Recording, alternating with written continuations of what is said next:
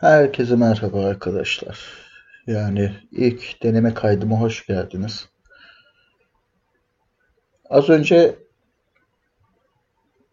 bayağı içerik sundum. Yani bayağı kendimden beklemediğim muhteşem bir bir buçuk dakikalık performans sergiledim. Ama bilgisayarın kayıt tuşunun e, özelliğini tam anlamadığımdan bilgisayarın ekranını kaydetmişim sadece. Yani tüm anlattıklarımı bir buçuk dakikaya sığdırdığım tüm e, iç çatışmalarım, ihtiraslarım, üzünlerim, arzularım falan hepsi e, o anda akıp gitti. Şey bilir misiniz? Tenacious D'nin e, Tribute diye bir şarkısı vardır.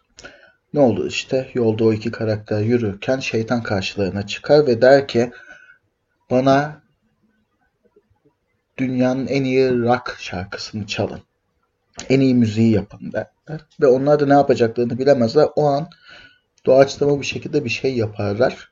Ve şeytanı orada yenerler. Ama daha sonra onu ayrı bir şarkı olarak insanlara anlatmaları gerektiğinde ortada kayıt olmadığından sadece o şarkıya e, bir tribüt yapabilirler yani o şarkıyla alakalı hikayeyi tek adını anlattıkları, o şarkıyla uzaktan yakından alakası olmayan sadece o şarkıya duydukları şükranı gösteren bir tribute yaparlar.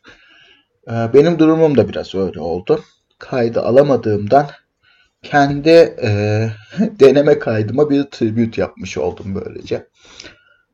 Ee, hadi biraz daha devam edeyim ara ara artık o bir buçuk dakikada sıkıştırdığım o yani gerçekten kendimi tüm ruhumu verdiğim o bir buçuk dakikayı yapabilirsem gücüm, enerjim, e, iradem kalırsa önümüzdeki ufak tefek e, bölüm bile demek istemiyorum.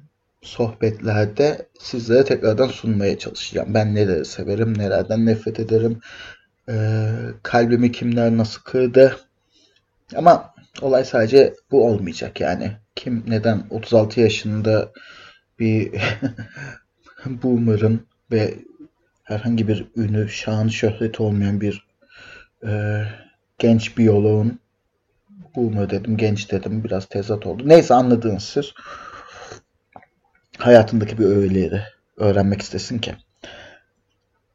Ne yapacağım? Araya arada filmlerle alakalı bir şeyler sokuşturacağım kitaplarda, oynadığım oyunlarda, tükettiğim şeylerde tüketme kelimesini de sevmem bu işte ama ah, bu zihin yolculuğunda bana yol gösteren araçlarla size anlatmaya çalışacağım. Belki ortak bir zemini buluruz.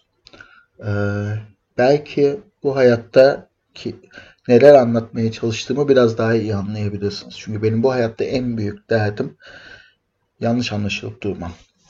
Kendimi çok iyi anlattığımı da her ne kadar düşünsem de yani günün sonunda hayatta durduğum noktaya baktığımızda pek de iyi anlatamadığımı görüyorum. Yani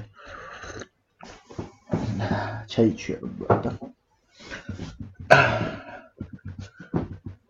Bunu bir de söyleme ihtiyacı duyuyor insan. Neyse. E, yani en azından nasıl düşündüğümü paylaşırsam belki e, zamanında beni ne kadar doğru anladığınızı da bir böyle 5-10 saniye sorgularsınız. Ya da yanlış mı anladık? Yiğit aslında bunu demek istememişti. Belki de böyle düşünüyordu. O zaten biraz böyle garip bir adamdır. Ee, ama o garipliğin altında ince bir ruh varmış falan dersiniz diye ümit ediyorum. Evet, e, ilk deneme kaydımız böyle. Umarım her şey yolunda gider. Görüşmek üzere.